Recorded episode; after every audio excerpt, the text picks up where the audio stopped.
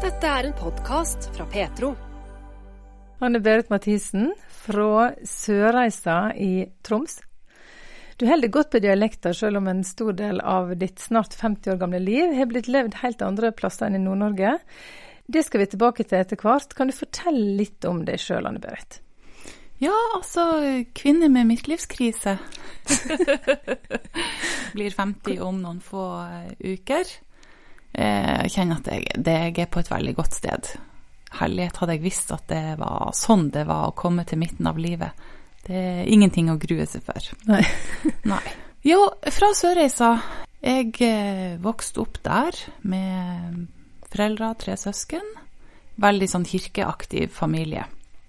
Med en far som har sittet mye som leder av menighetsrådet, og begge foreldrene mine har vært veldig aktive både med å drive barne- og ungdomsarbeid i menigheter, og veldig aktiv knytta til eh, leirvirksomhet. Så det er jeg fostra opp med. Fikk trua inn med morsmelka, på en måte? Ja, veldig grundig trosopplæring hjemme. Det var det absolutt. Pappa leste barnebibel for oss på kveldene og ba med oss og ja, lærte oss å synge salmer og whatnot. Og den trua har du alltid hatt med deg? Altså, jeg, jeg har tenkt hva jeg tror. Det er jo noe som er ens egen tru, og så er det noe som er sosialisering.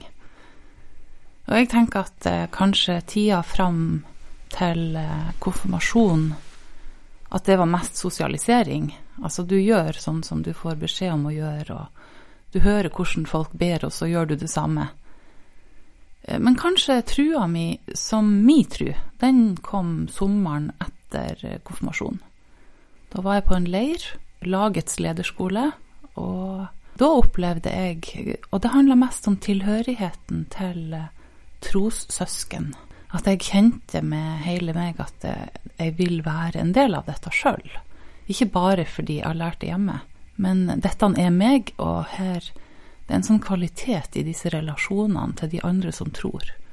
Og det kjente jeg, det stakk liksom djupere enn kanskje relasjonene jeg opplevde at vi hadde på fotballaget mitt og i andre sosiale sammenhenger. Så det var det jeg opplevde, her, her vil jeg høre til. Hva betyr eh, Jesus for deg? Jesus er alt.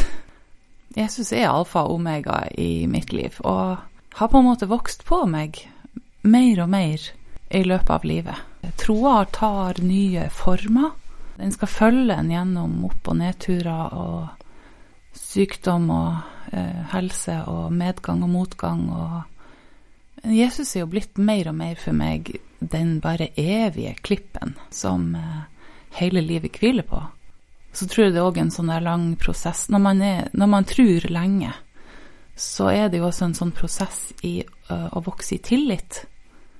For en ting er jo tro som i at du, du kan stemme i trosbekjennelsen i kirka og kjenne at du er enig. Det er nå en tro oppi hodet. Men så er det det der at tilliten til Gud vokser. Og tilliten til at dette holder. Du, du holder han i handa som kan gå på vannet. Og òg når det, det ikke kjennes trygt i livet, så, så er det det likevel. Du bare veit det. Du merker at han holder. Ja, så det er òg noe med at du hører lenge på stemmen til hyrden, så kjenner du den stemmen òg stadig bedre. Så jeg kan jo fortelle at jeg, jeg opplevde for sju år siden at Gud ga meg en ny, ikke trosbekjennelse, men en tillitsbekjennelse. Som noen sånne setninger som bare kom til meg, og som jeg har begynt å bruke og si dem ofte. Og det er eh, Gud kjenner meg bedre enn jeg kjenner meg sjøl. Gud elsker meg mer enn jeg elsker meg sjøl. Gud vil meg mer vel enn jeg vil meg sjøl. Og jeg overgir livet mitt til fullkommen kjærlighet. Og det merker jeg òg at å, å drive og si de setningene om og om igjen som en sånn tillitsbekjennelse, at det har forma sinnet mitt. For jeg er blitt vant til å tenke tillitstanker mer enn før. Du Anne Berit, gjennom eh, ungdomstida og framover så fikk du etter hvert et kall til å bli prest. Eh, og det var ikke bare enkelt for deg, har du sagt? Nei, jeg fikk mitt første Altså opplevelsen av kall kom da jeg var 20 år, og jeg sa det ikke til noen. Men det var der, og ganske tydelig var det der. Og så av mange grunner så tenkte, tenkte jeg det bare vekk. Eh, for det første at jeg tenkte nei, det en Høres ut som en kjedelig jobb, det vil jeg ikke.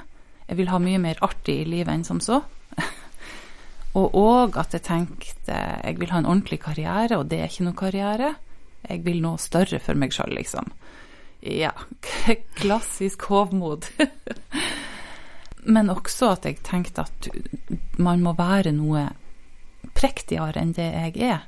Hvis du skal være prest, så må du på en måte være sånn top notch prektig. Og det kjente jeg kjente meg jo ikke helt som at jeg var på det nivået. Det så jeg på en måte Ja, folk som jeg anså som mye mer sånn fram og ja, skikkelig prektig. Ja, det var ikke min liga. Litt for rufsete av personlighetstype og litt for mange rufsete erfaringer. Eh, jeg havna jo Jeg tenkte tilfeldig, men kanskje var det vel egentlig gudfeldig, da, at jeg havna på Menighetsfakultetet. Og eh, begynte å studere der. Og jeg opplevde jo at det var så interessant. Eh, så gikk jeg og tok noen andre studier som var mer liksom de karriereretningene jeg sjøl hadde tenkt på først. Men kom på en måte bare tilbake til teologifaget, for det var fortsatt det mest interessante da. Så da ble det til at det, det ble mitt hovedfag, eller master som det heter nå. Og i løpet av tida på Menighetsfakultetet så gikk jeg jo og tok sånne her kurs i pastoral identitet og diverse sånn, som egentlig var for med tanke på å bli prest, selv om jeg hele tida sa at jeg skal jeg i hvert fall ikke bli. Og så begynte jeg etter hvert å tenke at eh, men jeg kan bli det når jeg blir sånn 50. Men først skal jeg ha ordentlig karriere. Og så begynte jeg å tenke at ja, kanskje når jeg er 40. Men jeg må først ha en ordentlig karriere. Og så eh, gikk nå livet, og jeg, eh, jeg havna innenfor kirkelig arbeid til slutt uansett, men ikke som prest. Og da var det egentlig, når jeg hadde akkurat fylt 30, at jeg eh, var ute, husker jeg var ute på en joggetur. Når det demra for meg at Jesus han begynte sin gjerning når han var 30. Nå er jeg 30. Kanskje det er nå. Og da skjønte jeg at ok, jeg må, jeg må, hoppe i det. Og da hadde jeg jo på hatt det kalde i, i, hjertet i ti år. Men eh, jeg har ikke angra ett sekund. Det er jo bare verdens aller beste yrke. Og jeg, jeg, kan ikke se for meg at noe annet hadde vært et bedre livsvalg enn å gjøre dette. Så ble du etter hvert preste, skal vi tilbake til. Men eh, Anne Berit, litt innom noe. For der er jo litt motstand mot kvinnelige prester. Kan du forstå motstanden, og hva tenker du sjøl om det? Ja, det forstår jeg, og det er ikke vanskelig å forstå. Og vi har jo gjennom studiet på en måte vært nok innom hva alle de forskjellige kirkesamfunnene eh, mener. Vi har jo sånn eh, konfesjonskunnskap der du, du, lærer om den kirka mener sånn, og den kirka mener sånn. Og, og alle har jo endt opp med sine læresetninger av en god grunn. Og det er jo min personlige erfaring at eh, altså alle som er motstandere av kvinnelige prester, så har jeg aldri møtt noen som jeg tenker at de, det er fordi de er noen kjipinger. Men det er jo ut fra ei, ei sterk overbevisning og, og, et ønske om å gjøre ting rett. Og leve ut fra den bibeltolkninga de holder for å være rett. Men jeg tenker jo òg at det, er, det, det normale innenfor kristenheten er at vi har masse forskjellige meninger, og det er jo bare én av sakene vi har forskjellige meninger om så har vi jo veldig forskjellige meninger om dåpssyn, eh, nattverdssyn, syn på alle mulige varianter av ordninger. Og dette går jo tilbake til eh, det store møtet i Jerusalem, der den store første uenigheten var om man skulle da leve etter loven, sånn som jødene, eller om man ikke trengte det. Og der ender de opp med to syn. Så dette har jo vært med oss fra starten av. Jeg tror det kommer alltid til å være sånn man mener forskjellig. Og vi prøver å elske hverandre uansett. Vi skal være ett, men det er ikke det samme som å være helt enig. Noen ting man må være enig om, og noen ting som man kan tenke at eh, der må vi leve med at vi ikke er helt enige. Og jeg tror alle har si grenser for hvor det går. Opplever du mer enhet i kirkelandskapet i dag enn for 20 år siden, f.eks.? Ja, jeg opplever f.eks. at ungdommer nå, eh, de bryr seg døyten om læresetninger. Og det la jeg spesielt merke til nå siste perioden jeg bodde i Oslo, at ungdommer, altså studenter, vil jeg si aldersgruppa 18 til 32, de bare går etter hvor opplever jeg at det er ånd og liv og ekte vare. Og hvis det var liksom i Philadelphia, så bare strømmer de til dit, uansett hvor de har gått før. Og jeg tror mange gikk der uten å vite at det en gang var ei pinsemenighet. Og var det et annet plass der de opplevde ånd og liv, så bare strømma de dit. Og plutselig så begynte Misjonssalen i Oslo å ha noen sånn bibeltimer. Jeg tror det var i samarbeid med Ungdom i oppdrag.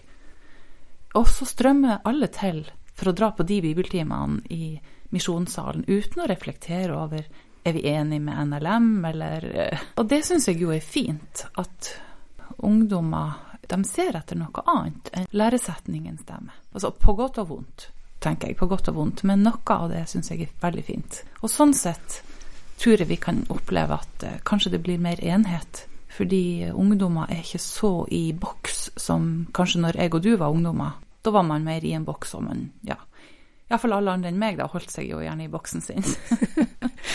Men du, apropos det, da. Hvor i kirkelandskapet vil du si at du tilhører? Ja, jeg er jo ordinert i Den norske kirke, og har vært medlem der hele mitt liv. Men så har jeg jo i store deler av oppveksten min så var jeg jo aktiv i Metodistkirka, fordi der sang jeg i et kor. Jeg var veldig aktiv i laget. Og NMS, fordi vårt nærmeste leirsted var NMS. Og så var jeg jo med i TenSing og Speideren i KFUK-KFUM. Og så har jeg jo vært aktiv i um, Misjonskirka i Oslo. Jeg gikk i Philadelphia en periode. Jeg har vært med i Sambandet. Det var jo da jeg og du først ble kjent, på 90-tallet, i Bergen. Og så var jeg aktiv i den katolske kirken og jeg bodde i Tyskland. Og ja, har jeg glemt noe nå? Ja. Men det er veldig sånn altetende. Og jeg syns at det der boks, skal du høre til her eller der, jeg har aldri opplevd å komme i en kristen sammenheng der det ikke har vært noe godt å få. Og jeg syns jo alltid det er mer interessant eh, i et kristent fellesskap innenfor ja, ei forsamling, organisasjon, kirke, å, se etter hva er det disse folkene har fått rett, i stedet for å henge seg opp i hva som er feil her. For jeg har nå aldri vært noen plass der de ikke har fått noe rett. Det skal de ha, alle der jeg har vært, så har alle, alle har fått noe rett, og, og mye rett og godt og ja. Og søsken, det har vi overalt. Så er du ordinert prest i Norske kirke, og du har vært i veldig mange ulike sammenhenger. Altså, det er jo en litt uvanlig reise du har hatt. Du har vært i Forsvaret, du har vært offshoreprest, sjømannsprest og vanlig menighetsprest. Hvorfor eh, alt dette, og hva har det gitt deg å være på alle disse ulike? Jeg tenker at menighetsprest i Den norske kirke har vært eh, viktig, og jeg er glad for at jeg starta med det. Fordi der får du sånn enorm mengdetrening på eh, det som er på en måte hovedgjøremålet til en prest. Du lærer alle ritualer og liturgier og mengdetrening i begravelser og det å møte alle aldersgrupper, konfirmanter osv. Og så er det jo veldig sånn solid, for du skal gjennom hele tekstrekka og preike over alle mulige slags eh, tekster. Så man, man vokser jo veldig i bibelkunnskap på å drive med å forberede forkynnelse. Og det er kanskje en av de tingene jeg er mest takknemlig for med å få være prest. Det å, å være betalt for å lese Bibelen og fordype meg. Altså, jeg bruker jo så masse tid med Gud. Eh, for man er så avhengig av Gud. Hvis det skal bli ånd og liv og en forkynnelse som når ut, så må du være kobla på Gud når du sitter og forbereder deg. Og det krever at man ber og lytte. Jeg syns jo menighetslivet er utrolig viktig for å bli forma i faget. Så har jeg hatt en sånn greie med at jeg har brukt å bare be Gud være den som åpner og stenger dører for meg. Så det var egentlig en sånn halvstengt dør i forhold til at eh, jeg kunne ikke bli lovd en videre jobb der jeg var, samtidig som jeg ble spurt kan du tenke deg å komme og jobbe i militæret ja, når du bare ber Gud åpne og stenge dører, så det er jo greit der. Og det er en dør som var veldig vid åpen, så det var bare go. Og jeg hadde aldri tenkt på det før jeg ble spurt. Men eh, i ettertid så er jeg jo glad for at jeg gjorde det, og jeg er glad for at jeg gjorde det på den alderen, for nå hadde jeg ikke orka. Det er strevsomt. Hvorfor er det strevsomt? Ut på vinterøvelse i ukevis og sove i telt i minus 35 grader og ut på kystvakta i høy bølgehøyde og Nei, det er litt sånn krevende. det var greit for meg når jeg var i 30-årene, og så var det fint å være ferdig med den delen når jeg eh, kom til 40-årene. Og så har du òg vært offshoreprest, sjømannsprest. Hvordan kom det inn? Jo, det var det samme, egentlig. For da jeg kjente litt på Det var egentlig flere ganger i militæret at jeg kjente at å, nå er jeg litt lei. Og litt sånn ferdig, og skal jeg holde ut dette? Jeg syns ting var tidvis hardt. Uh, men opplevde at Gud liksom sa nei, du er ikke ferdig, du må bli her litt til. Og så ja, kom jeg nå til det punktet at jeg kjente at nå er det dags å slutte her. Og så da ble jeg oppringt av Sjømannskirka, som spurte om jeg ville komme og jobbe offshore. Og det var jo på bakgrunn av at jeg hadde allerede vært ute som julevikar en del jule. De var vel sånn fornøyd med hva jeg hadde gjort på de julebesøkene. Så da begynte jeg der, og så fikk jeg etter hvert fast jobb der. Og hadde egentlig litt samme opplevelsen. Det ble jo fem år der også. At jeg egentlig var klar for å slutte. Det var tidvis hardt. Ikke minst eh, når vi hadde den Turøy-ulykka. For det var jo et helikopter fra Gullfaksfeltet som eh, styrta. Mm. Og jeg var prest for Gullfaksfeltet, så det var mine folk som strøyk med. Og vi hadde en veldig tung runde med å ta vare på personellet etter den ulykka. Og mange andre tøffe beredskapsoppdrag da, som ikke har vært så mye i media.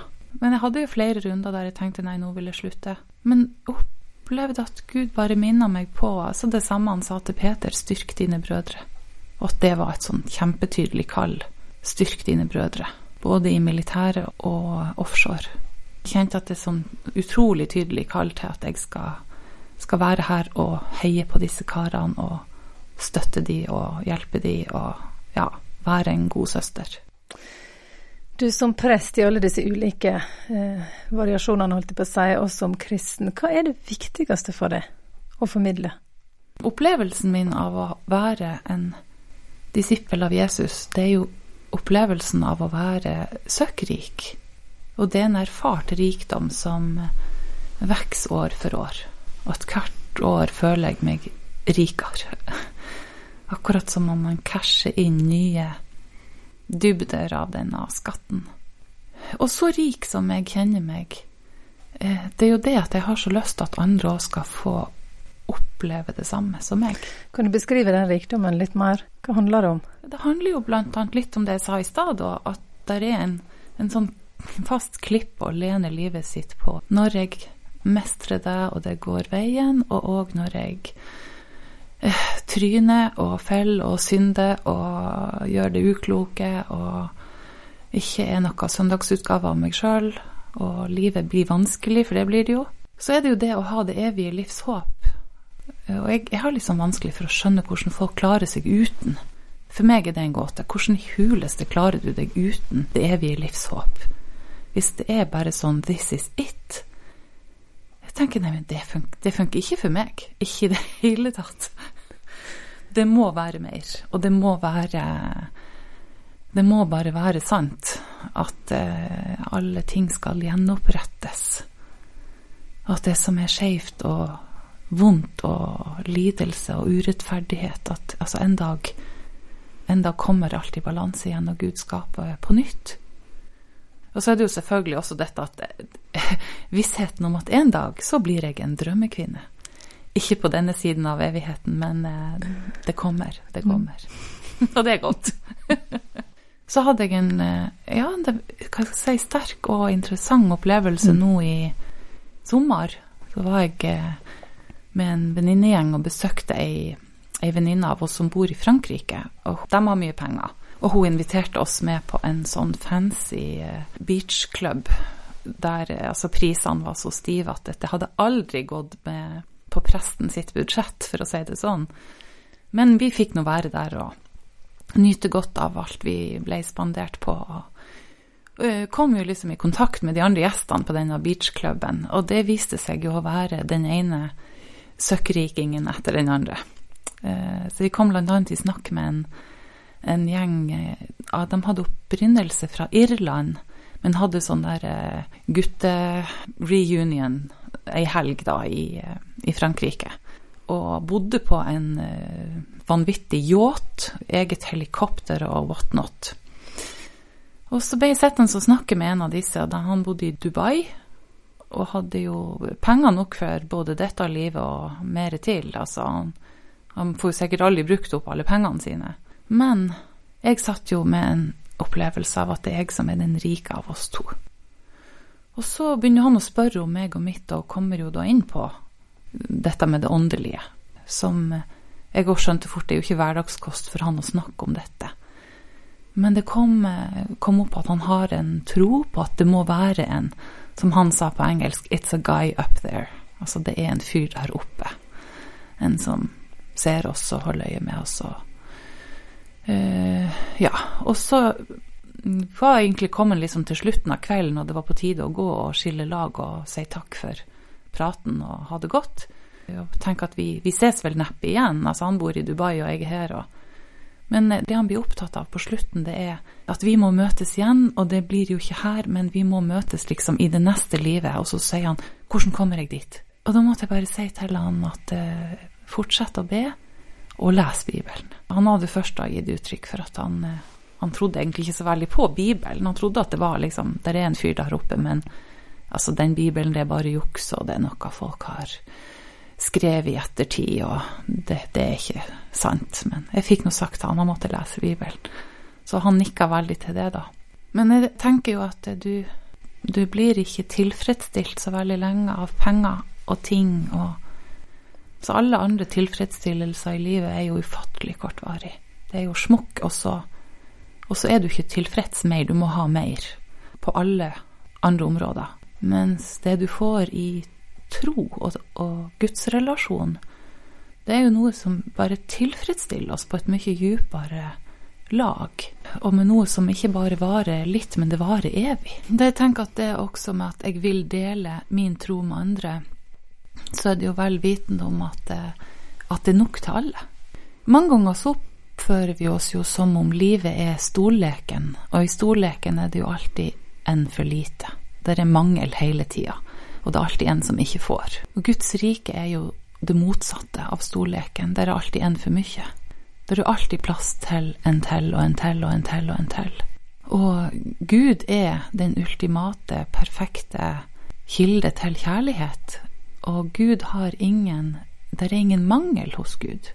Så det er jo ikke sånn at hvis jeg får kjærlighet fra Gud og frelse og evig liv og nådegaver og utrustning, at da er det noen andre som får mindre. Eller at det på noe tidspunkt er meg på bekostning av noen andre, eller noen andre på bekostning av meg. For Guds rike er et overskuddsrike. Så det er plass til alle. Nå har du jo vært prest forskjellige plasser, eh, Anne Berit. Og du har også fortsatt ei stilling i Den norske kirke som eh, sjelesørger. Men så har du ei stund gått med en drøm om noe så uvanlig som eh, pubprest. Og da må jeg bare spørre først, passer de to ordene egentlig i lag? Ja, i mitt hode gjør de det. Og så skjønner jeg veldig godt at i andre sitt hode så blir det en krasj. Men nå har jo jeg vært inne i både et kall og en en tanke i lang tid som gjør at uh, for meg henger dette sammen som hånd i hanske. Mm. Og så tenker jeg at uh, det vil nok ta en tid før andre er, er, der jeg er, med at de tenker at uh, jo da. Men hvor starta det, tanken om det? For tre og et halvt år siden så var jeg på en konferanse der jeg opplevde at det sto en og holdt en fantastisk god tale fra scenen men samtidig som han talte, så var det akkurat som om Gud holdt en egen tale til bare meg. Og det var den beste talen. Ikke til forkleinelse for den predikanten, men den talen Gud holdt, var bedre. Jeg har aldri opplevd noensinne i hele mitt liv å få en så tydelig tiltale. Men da hører jeg bare at Gud sier 'jeg sa gå ut'. Og det er ikke det samme som å sitte inne i kirka og rope 'kom inn'. Du gjør bevegelsen feil. Og så mange flere ting som eh, Gud òg sa med det samme. Men den setninga, eh, 'jeg sa gå ut', det er ikke det samme som å sitte inne og rope 'kom inn', du gjør bevegelsen feil. Det var sånn altså livsforvandlende. Fordi at jeg skjønte at eh, jeg er nødt til å ta på alvor det jeg nå har hørt, og jeg kan ikke fortsette som før. For det er jo det du gjør når du da sitter som menighetsprest, så er det alt du gjør, er å sitte inne og rope 'kom inn'. Og noen ganger lykkes vi, å få hvem, og noen ganger lykkes vi ikke så godt. Men, men det er liksom det. Vi er inne i denne bygninga, og målet er å få folk inn i bygninga. Og hvordan er prosessen vår fram mot det her? Ting etter hvert er lagt seg til rette. Vil du ta oss litt med på den reisa? Ja, det har lagt seg til rette. Eh, for det første så har jeg jo fra jeg begynte å snakke høyt og si hva jeg hadde i hjertet mitt, fått snakka med gode mennesker som har eh, støtta meg. Jeg hadde en veldig fin eh, dialog med biskopen her i Stavanger, og hun støtter det og sier ja, dette må vi ha. Og det er ikke noe ukjent for Stavanger bispedømme, fordi de er vennskapsmenighet med eh, det bispedømmet som heter Carlisle i England. Og i England har de jo gjort dette for lengst. Der har de jo tatt konsekvensen av at stadig færre folk kommer i kirka, eh, og skjønt at de må heller gå ut der folk er. Så der har de drevet med kirkelig arbeid eh, på pub i lang tid. Mm. Og her har jo folk fra bispedømmet vært og og sett hva de gjør i England. Så det var ikke noe sånn sjokk eller fremmedarter. Det var bare sånn Yes, å, du vil gjøre dette her hos oss. Tipp topp, vi heier på deg. Og så er jeg jo òg medlem i Imi-kirka og har uh, hatt en veldig god dialog der. Og de har vært, det har vært fra dag én ja, gjør det, gjør det, gjør det, vi heier på deg. Så jeg har egentlig fått grønt lys fra alle hold til å kunne gjøre dette. Det er klart det har vært kjempeviktig for meg. Det hadde vært tungt å oppleve dette kallet hvis alle rundt meg hadde bare sagt nei, det har vi ikke tro på. Eller nei, det blir for uortodokst. Eller nei, det blir Vi kan få motstand, så det vil vi ikke. Altså alle har bare vært sånn ja, gjør det. så det kjenner jeg jo at eh, jeg fikk et kall, og det har blitt bekrefta fra omgivelsene rundt meg, og det har blitt bekrefta ved at mine kristne søsken unna for unna i alle leirer bare sier ja, gjør det, kjør på, vi mm. tror på dette, vi tror det er på rett spor. Hva er planene nå, da? Nei, Jeg har jo gått og ruga på dette og gått mine prosesser med Gud, og jeg syns jo det har gått sakte, for det er tre og et halvt år. Du vil ting skal skje fort? Ja, jeg er jo så actionorientert av personlighetstype. Ting skal jo helst skje i går. Jeg har bruk for veldig mye av denne åndens gave som heter tålmodighet. Den har vært nødt til å vokse. Og så er det ting klart det modnes fram i meg, eh, fordi det finnes ingen lønnsmidler til å gjøre dette noen plasser. Eh, så alle er for at jeg skal gjøre det, og ingen har noen lønnsmidler å putte inn i det. Og så har jeg jo måttet eh, latt Gud få lov å løsne noen sånne grep eh, inni meg. Eh, blant annet dette behovet for kontroll, behovet for den tryggheten det er å ha en fast, stabil inntekt, og, disse, og sånne vanlige rammer det har rundt arbeidslivet. Og det er ikke så lett. Altså, der tenker jeg ungdommer er jo mye lettere enn sånn halvgamle kjerringer. Fordi jeg tror jo når du går fra videregående og rett over i ungdom i oppdrag og lever sånn på bare gaver, så du kommer rett fra mor og far, de har forsørga deg, og så går du rett over i Guds rikes arbeid og blir forsørga, og du har aldri tjent penger sjøl og aldri tatt de der voksenpoengene med å forsørge deg sjøl. Men eh, nå var jo jeg nødt til å ta å gå den veien. Og jeg kjente på en måte var, ja, det var litt sånn tøft at, at, jeg kjente at Gud tar fra meg alle voksenpoengene mine. Skal ikke jeg liksom spare pensjonspoeng på vanlig måte og få liksom fast ja, ordning rundt livet? Så det har vært Det er klart, det, den der eh, å modne meg for oppdraget, det har nok òg tatt tre og et halvt år, hvis jeg skal være helt ærlig på det.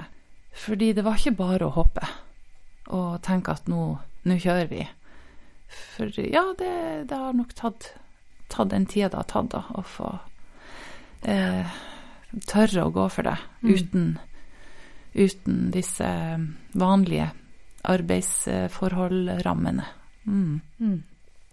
Men hvordan ser du for deg at det skal se ut å være pubprest, Anne Berit? Eh, det første vi gjør da, nå, nå blir dette å heite pubkirka IMI Stavanger. Så det blir under IMI-kirka sin paraply.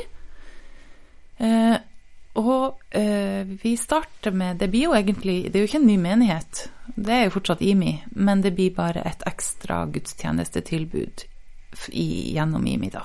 Så det blir søndag kveld klokka sju. Eh, og vi skal være på Har fått et avtale med et sted i Stavanger sentrum som heter Musikkstuen Påfyll. Eh, det er vanligvis en Ja, det er mer en klubbscene enn det er en pub. Og de har jo noen andre faste samarbeidspartnere. Masse som skjer i løpet av uka. Men nå, eh, nå er Imi kirka blitt en offisiell samarbeidspartner med Påfyll, så da skal vi ha søndagskveldene. Det vil si de, de fleste søndagskveldene nå i høst har vi fått. Det var noen som allerede hadde vært og booka noen datoer. Så. Hva vil en sånn kveld inneholde, da? Altså, jeg finner jo ikke opp kruttet. Ikke i det hele tatt. Det blir en gudstjeneste som er en times tid, som er litt blanding av uh, høykirkelig og lavkirkelig.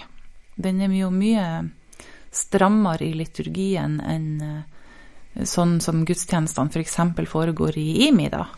Uh, og så er den litt løsere i liturgien enn en høymesse i Den norske kirke.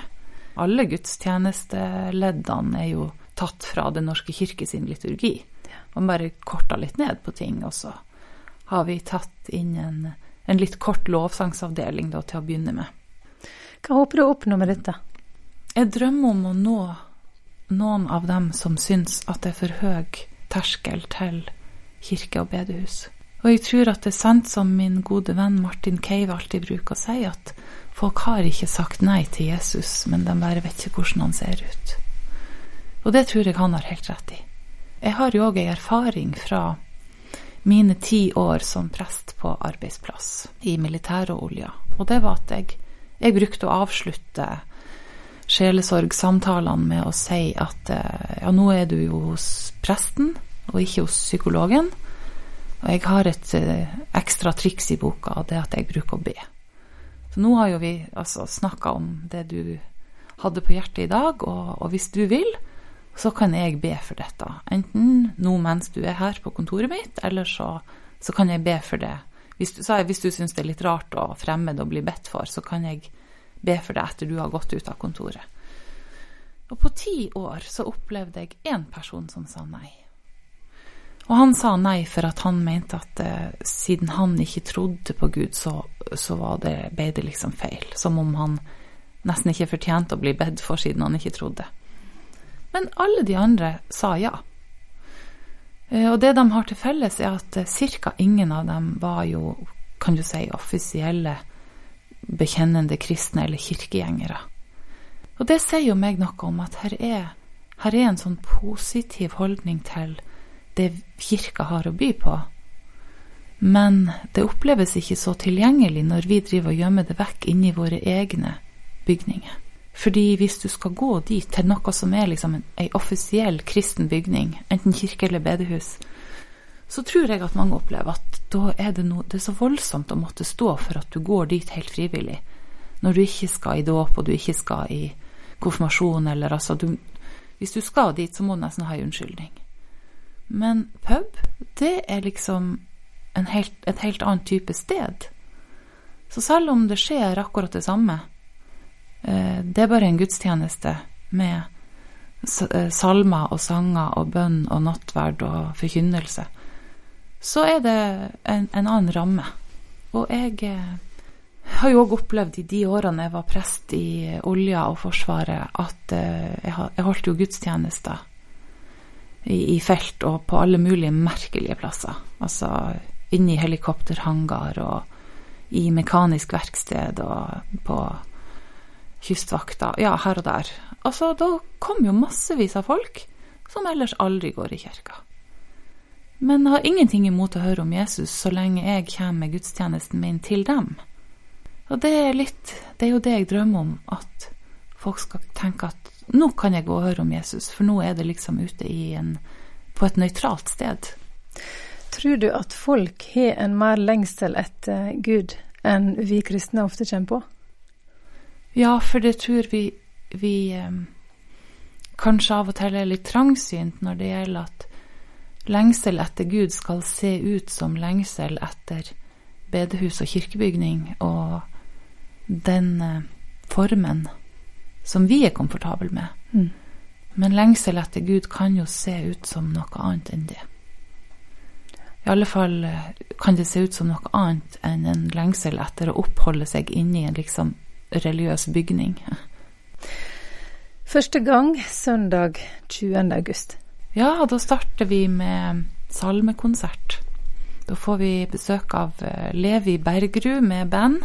De eh, har jo drevet nå med å ha salmer på pub i Oslo i et års tid. Og har jo høsta noen utrolig fine erfaringer med at eh, så mange som ikke er menighetsaktive mennesker, eller troende i det hele tatt, har lyst til å komme og høre salmer.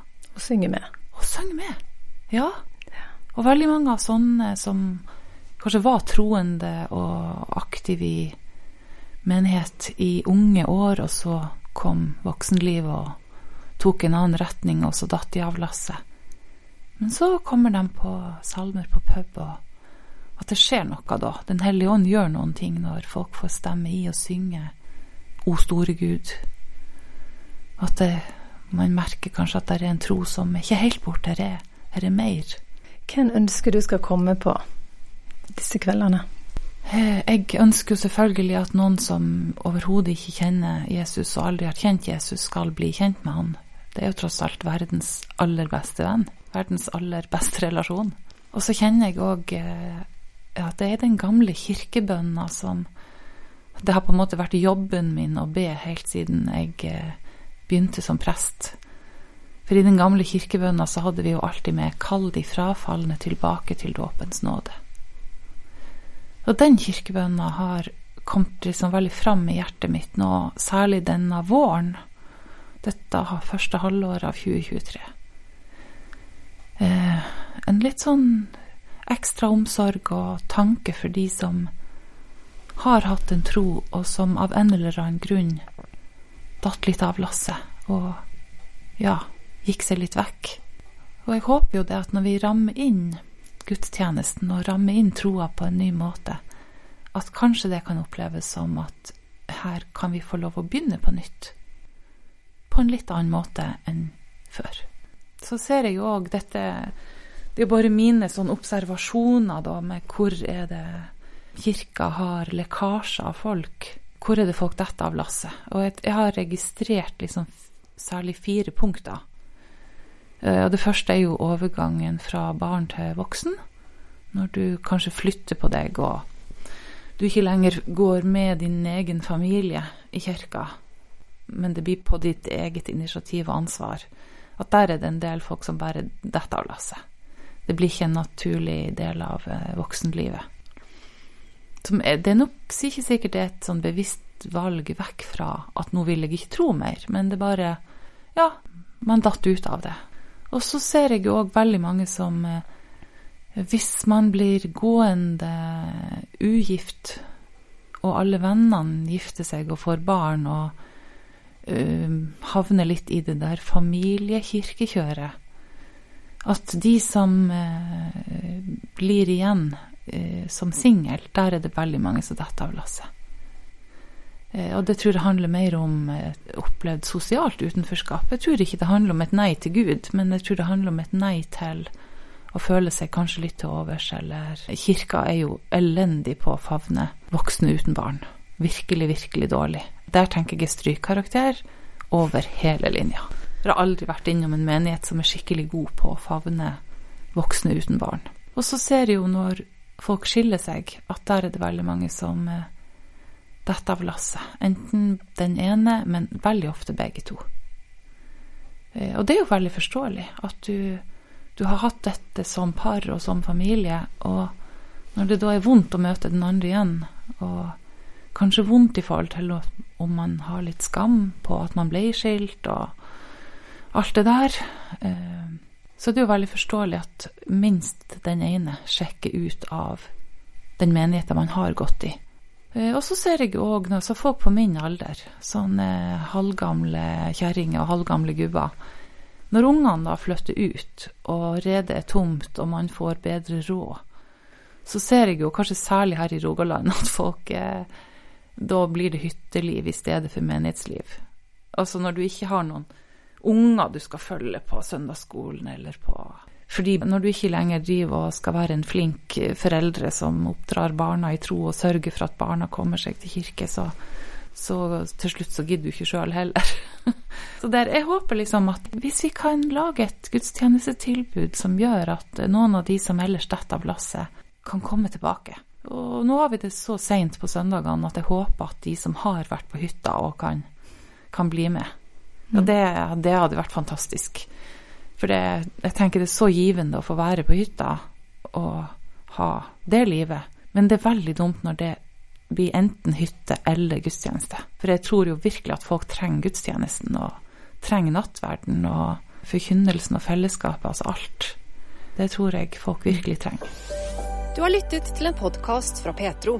Likte du det du hørte, setter vi pris på om du tipser andre om radiosendinger og podkaster fra Petro. Anne Berit Mathisen hørte du i denne podkasten fra Petro, aktuell som pubprest nå. Anne Birgitte Lillebø Bø var det som hadde snakka med henne.